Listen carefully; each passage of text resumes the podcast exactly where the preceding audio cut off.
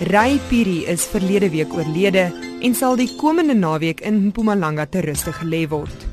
Matthews Poza was tussen 1994 en 1999 die premier van die provinsie en sê 'n musiekteater ter ere van Piri sal 'n belegging wees.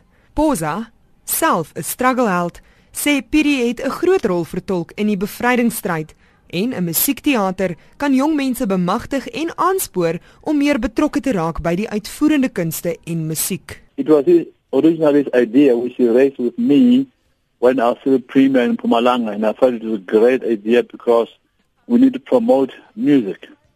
Music is art. Music is language. Music can be inspirational, can be uh, healing to those who are down. So I thought Ray Piri wants to unearth talent first of all in Pumalanga and develop those talents in the music area. I think it's a good idea. I supported him. I think it must be pursued.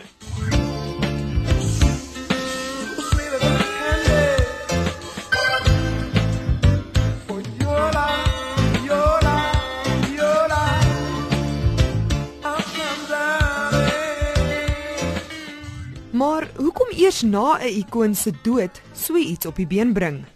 Op die vraag hoekom 'n idee wat uit die 90 spruit nog nie uitgevoer is nie, het Poza die vinger na sy opvolgers gewys. I think you must ask those who followed me, not me. Die ANC presidentskandidaat Matthews Poza. Ek is Henry Wondergem vir SAK nuus.